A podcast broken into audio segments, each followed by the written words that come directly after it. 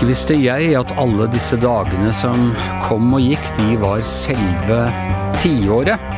Eh, Per Olav Ødegaard, hva sier vi egentlig sånn? Altså Man snakker jo om 20-årene og 30-årene og 60-årene og 70-årene og sånn, men hva, hva sier vi om de årene som går fra 10 til 20? Tiårene? Det blitt feil da? Jeg har ikke tenkt så mye på. Nei. Eh, Litt seint å begynne å tenke på 2010-året. 2010-årene. Ja. Selve 2010-året Ja. eh, var det som kom om.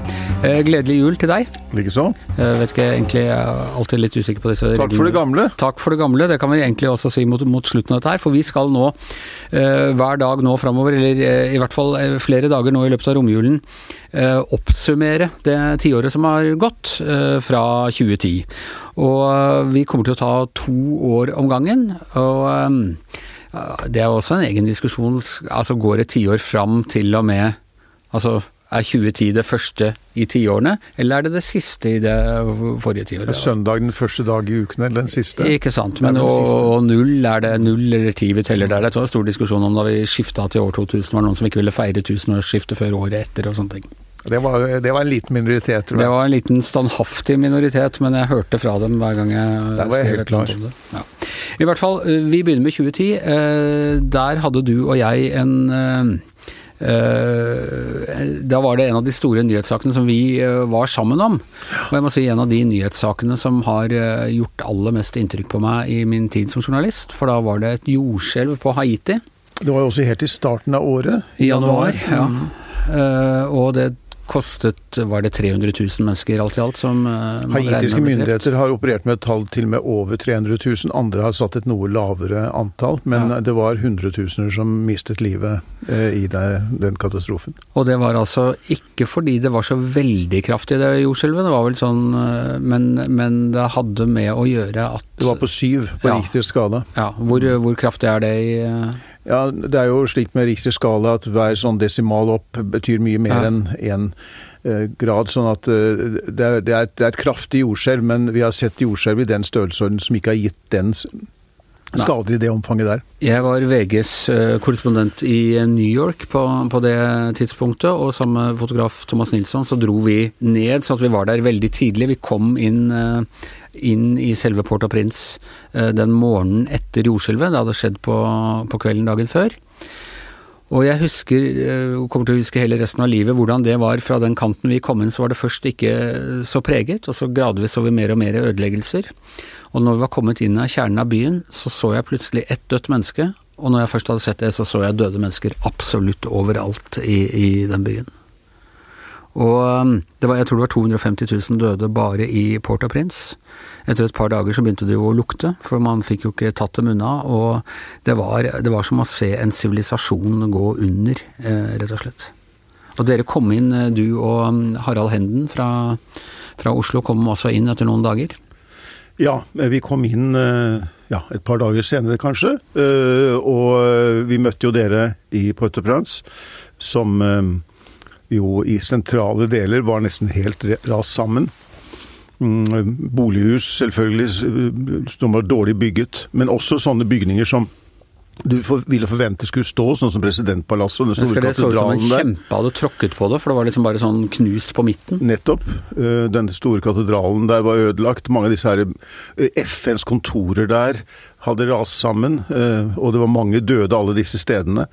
Eh, Det gjorde et voldsomt inntrykk. Jeg har sett jordskjelv andre steder, eh, og, eh, men jeg har ikke sett et, liksom et samfunn som til de grader har blitt totalt rammet av det. Det må i så fall ha vært med et unntak fra denne, det jordskjelvet som skapte tsunamien da, eh, i Sørøst-Asia eh, noen år tidligere. Og noe av det aller mest fortvilte der var jo at man fikk ikke inn eh, hjelp. Vi holdt, vi hadde liksom base rundt flyplassen, og du så bare hvordan det stablet seg opp med kasser med, med mat og medisiner og sånne ting som rett og slett ikke ble eh, fordelt. Det var en utrolig frustrerende opplevelse å være der. Svære sånne eller flyktningaktige leirer, eller folk satt liksom bare sånn i midtrabattene på motorveien og sånne ting, i, i sånne teltlandsbyer, og det luktet død absolutt overalt, og du så lidelse uansett hvor du snudde deg.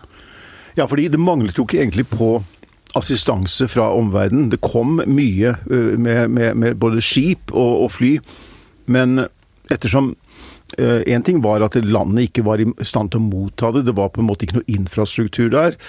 Veiene ble jo til dels ødelagt. Det var mye Og det var ikke mennesker til å ta imot heller. Det var, det som, det var en veldig stor logistikkoppgave da, å få dette her til å virke.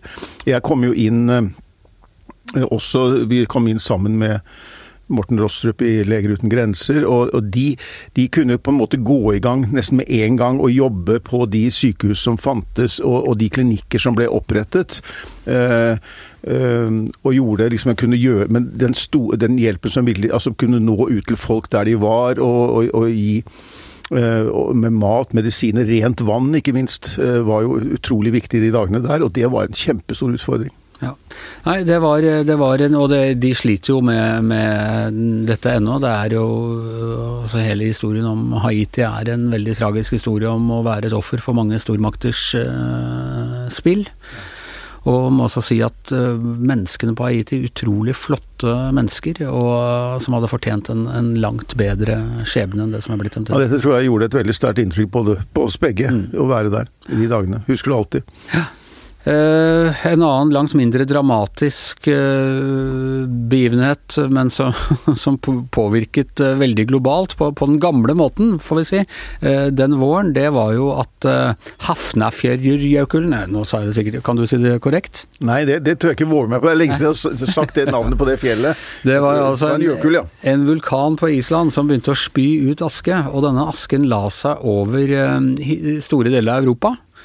Uh, og selv måtte jeg dra, til, dra dit fordi de, dere, fra New York, fordi dere i Norge sto, og dette var årets nyår, dere sto askefaste i uh, Oslo og uh, kunne ikke rykke ut. Det var et begrep som ble laget her i huset? Mm, det var det. Ja. Og det var, det, det var årets Ask, ord, nettopp, faktisk, ja. i 2010. Mm. Og det var jo en, en, utrolig rar situasjon å komme til Island da, som var da omtrent Det var presse da fra ja, først og fremst amerikansk, egentlig, fordi hele europeisk var mer eller mindre stranda øh, på kontinentet. Ja, VG laga den gangen bl.a. Øh, Haikesentralen, hvor vi organiserte sånn folk kunne melde fra på VG-nett. da, Hvor de var, hvor de trengte. Var det noen som hadde bil der, hadde ekstra plass. Og folk kom seg hjem til Norge også ved hjelp av VGs haikesentral. Ja, fra rundt omkring i Europa. Fra rundt omkring i Europa. Og det lammet vel også eh, intern flytrafikk uh, i Norge. Så det, altså, det, var litt sånn oljekrisen på 70-tallet. Ja ja, så det var jo tog og bil som gjaldt. Ja. Eh, tross, alt av, uh, tross alt ikke en veldig negativ opplevelse. Vi hadde liksom litt godt av å teste hvordan uh, dette var, tror dere ikke det? Jo, vi fikk jo Altså, vi har jo fått disse påminnelsene nå nettopp igjen på New Zealand, altså utenfor New Zealand. Hvordan, Hvor kraftig en vulkan kan være? Ja, og, og, og, steder som kan en dag være en turistattraksjon. ikke sant? I neste øyeblikk er et uh, inferno. Det gikk vel heldigvis ikke noe liv tapt uh, på Island, tror jeg? Nei, men det gjorde det jo på New Zealand. Ja. Ja. Nei, En påminnelse om at, at, naturkreftene er kraftige. Det hadde vel heller ikke noe med klimaforandringer å, å gjøre. Det var rett og slett bare gode, gamle vulkanske Island som ga fra seg. Det kan vel ha bidratt til klimaforandringene. De utslippene tror jeg ikke var gunstige. Ja. Jeg kjørte jo inn i selve den der askeskyen, og da var vi litt sånn Vi ville gjerne ha bilder fra, på, på, desken og sånt. Vi var litt usikre, hadde bare sånn dårlig sånn munnbind, og du så altså ikke mer enn sånn en meter foran deg eh, inni der. Det var, eh, det var virkelig eh, ganske skummelt. Men eh, ja, tross alt av de eh, hva skal jeg si, muntrere dramatiske begivenheter i eh, et tiår som, som senere ellers ikke manglet dramatikk.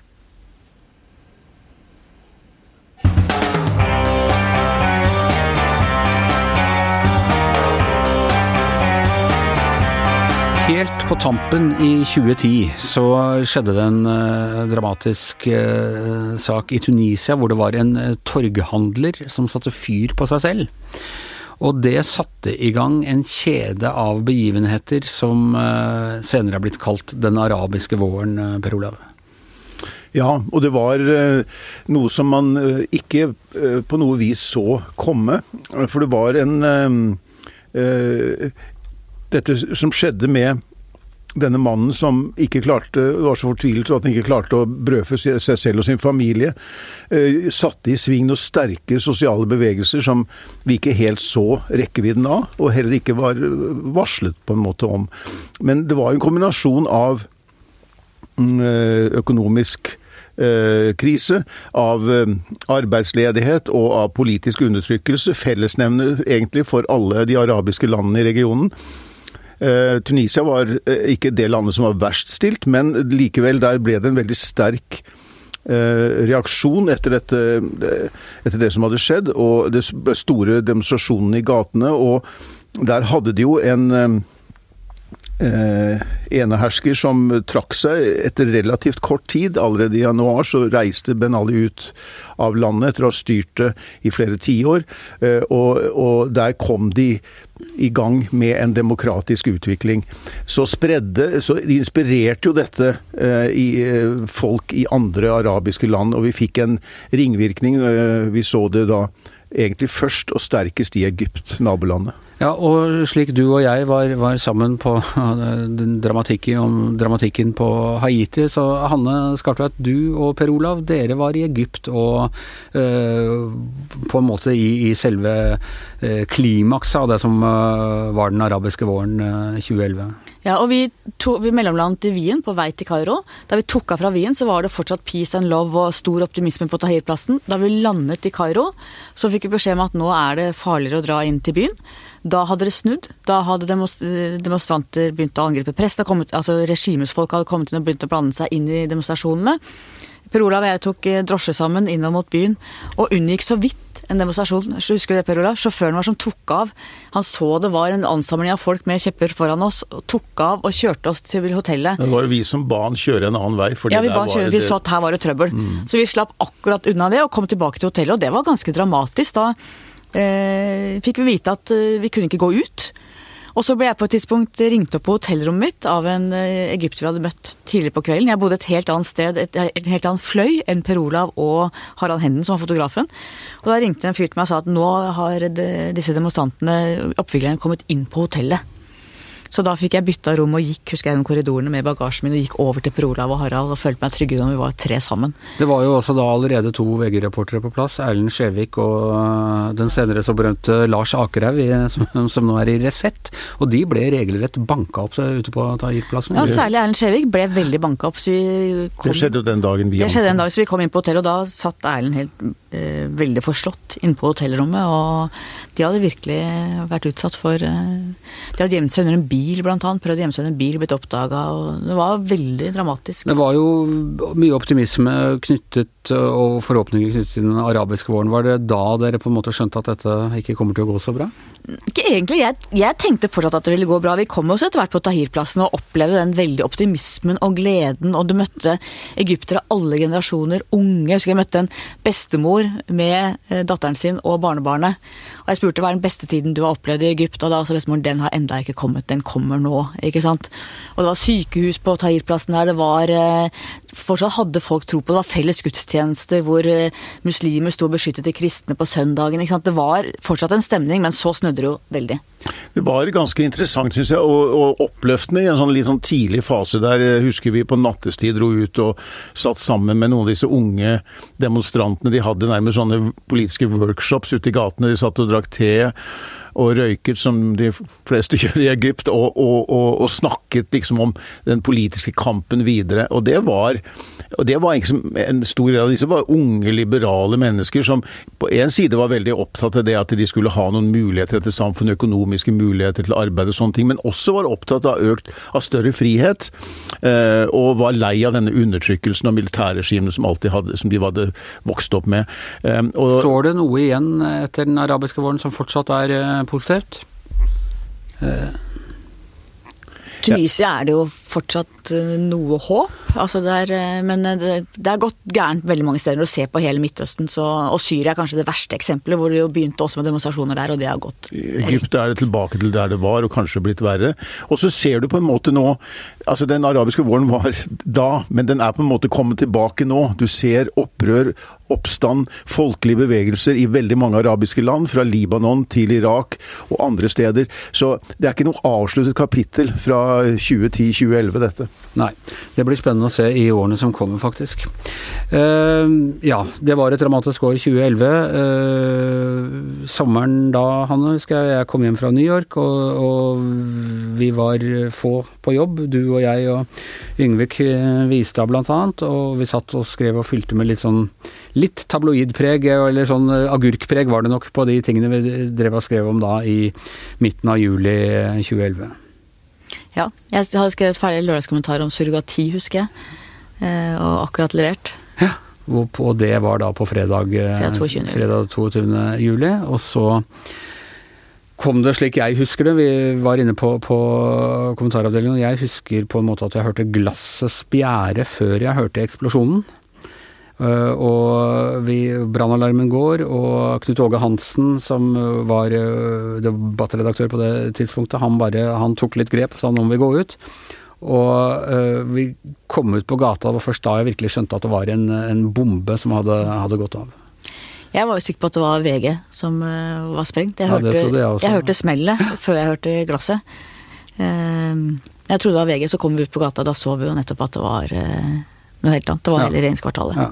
Og det er rart det, altså, når sånne ting skjer, og vi var veldig forvirret, og, og jeg husker jeg drev og lurte på skal jeg gå hjem nå, eller hva, hva, gjør jeg for noe, ble liksom hengende litt sånn tafatt rundt der først, det hjalp litt folk som var skada og, og, sånne ting, men, men det kom jo sykepersonell og tok seg av dem, og så fant vi ut ja, vi må jo få gitt ut avis, og vi brukte ganske mye tid uh, på å finne ut hvor vi kunne gjøre det, og mens vi holdt på med og, og rota rundt her som litt sånn halshogde høner, så eh, fikk du en telefon eh, stukket i hånden fra Utøya.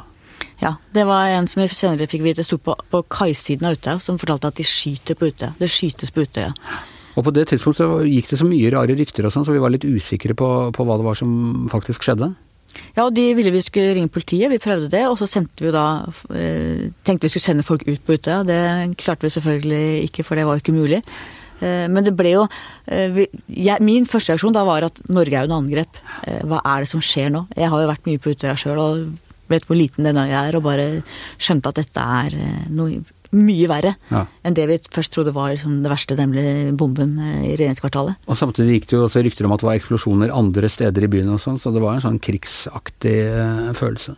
Og det var altså et um, og, og, selv i dag uh, ti år seinere med, med, masse angrep fra IS og sånne ting rundt omkring i uh, europeiske byer og over hele verden, så er dette altså et, et av de større terroranslagene og et av de større massedrapene på sivile som vi har opplevd i uh, Europa i fredstid, og definitivt uh, i Norge. Og jeg tror fortsatt vi ikke klarer å ta ordentlig inn over oss hva som faktisk skjedde. Altså det er så massivt, og det er så mange antallet, ikke sant, som gjør at jeg tror eh, jeg For egen del så klarer jeg i hvert fall Det blir på en måte så, eh, så vondt å tenke på at man klarer ikke virkelig å ta inn over seg all den sorgen. Samtidig ser vi nå at uh, mange av de eh, som overlevde, de er nå uh, på vei inn i styre og stell i dette landet. Det var jo liksom kremen av Eller deler av kremen av politisk ungdom. De, de er på vei inn i regjeringskontorene, på Stortinget, i, i organisasjonslivet. Og de kommer jo til å prege norsk politikk og, og, samfunnsliv i årene framover. Tror du det vil føre til at vi nå begynner å se på det som skjedde på en annen måte? Ja, kanskje man snakker om posttraumatisk stress og posttraumatisk vekst. Et av de største politiske talentene i Arbeiderpartiet, Ina Libak, er nå ny AUF-leder. Eh, hun er virkelig en av de mer imponerende Overlevde så vidt. På... Overlevde så vidt. Hun var virkelig skutt fire steder. Helt fantastisk vitnemål i ja, rettssaken skal vi snakke om i morgen, men, men, hun hadde et helt fantastisk vitnemål der, husker jeg. Og jeg har hatt henne i min egen podkast som heter Skartveit, øh, og, og diskutert mye politikk. Og, Den kan dere søke opp hvis dere vil. Søk ja. på Ina Libak og Skartveit. Ja, for det ble en veldig fin samtale. Hun er så klok og reflektert. Du merker at hun har med seg det alvoret. Hun sier selv også at det er klart at politikken ble for henne et langt større alvor etter det hun har opplevd. Mye mer maktpåliggende for henne å virkelig gå inn og, og, og forme samfunnet vårt. Og Jens Stoltenberg ble jo da liksom berømt for eh, ordene om at et angrep på oss alle, og det var jo virkelig det det var. Jeg tror de aller fleste i Norge er berørt gjennom en eller to eh, ledd. Kjente noen som hadde noen, eller kjente noen som kjente noen som hadde noen på, på Utøya. Så det har berørt oss uh, Det har berørt oss veldig, og det vil fortsette å berøre oss i, i lang tid framover. Men vi kommer til å snakke mer om det i morgen. Eh, Så da er denne eh, første sendingen av eh, Giæver og gjengens tiårsoppsummering over. I studio i dag så var Per Olav Ødegaard, Hanne Skartveit, Anders Giæver og vår vanlige produsent, mannen bak spakene, Magne Antonsen, som skal følge oss gjennom livet.